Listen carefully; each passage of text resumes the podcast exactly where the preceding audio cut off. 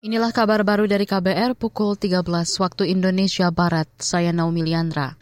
Wakil Presiden Ma'ruf Amin menyatakan peningkatan SDM Indonesia unggul menjadi prioritas pemerintah. Hal itu salah satunya diupayakan dengan membuka akses luas bagi masyarakat untuk menempuh pendidikan tinggi. Kata dia, Indonesia butuh banyak ahli di berbagai bidang untuk mewujudkan visi besar menjadi negara maju di tengah berbagai tantangan dan krisis. Pemerintah ingin menciptakan generasi produksi untuk menopang visi bangsa produsen.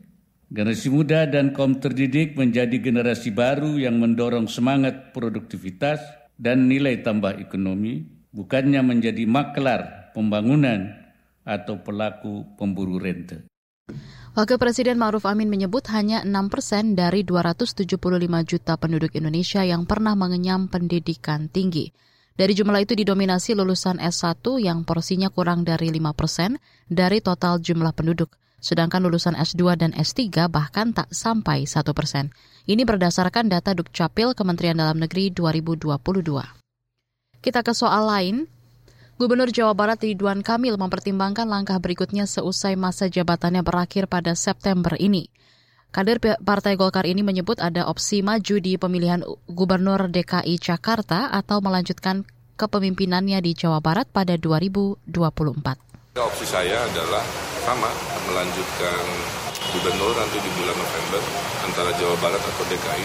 Surveinya dua-duanya bagus. Tapi kalau bicara survei hari ini, dua provinsi itu hasilnya bagus. Gubernur Jawa Barat Ridwan Kamil mengatakan belum ada arahan dari internal partai terkait rencana maju di pilkada tersebut. Sebagai informasi, Kementerian Dalam Negeri mencatat ada 170 kepala daerah di tingkat provinsi maupun kabupaten kota yang akan berakhir masa jabatannya. Selain Ridwan Kamil, ada juga Gubernur Sumatera Utara Edi Rahmayadi, Gubernur Jawa Tengah Ganjar Pranowo, dan Gubernur Jawa Timur Kofifah Indar Parawansa. Beralih ke informasi olahraga, PSSI belum membeberkan nama-nama pemain yang akan memperkuat tim Garuda pada laga FIFA Matchday Juni 2023. PSSI dalam keterangan tertulis mengatakan pemain yang dipanggil nantinya akan menjalani pemusatan latihan lebih awal jelang laga lawan Palestina dan Argentina. Semula latihan dijadwalkan pada 6 Juni, tetapi dipercepat sehari yang akan digelar di Surabaya, Jawa Timur. Beberapa klub Liga 1 telah mengumumkan beberapa pemainnya dipanggil untuk mengikuti pemusatan latihan.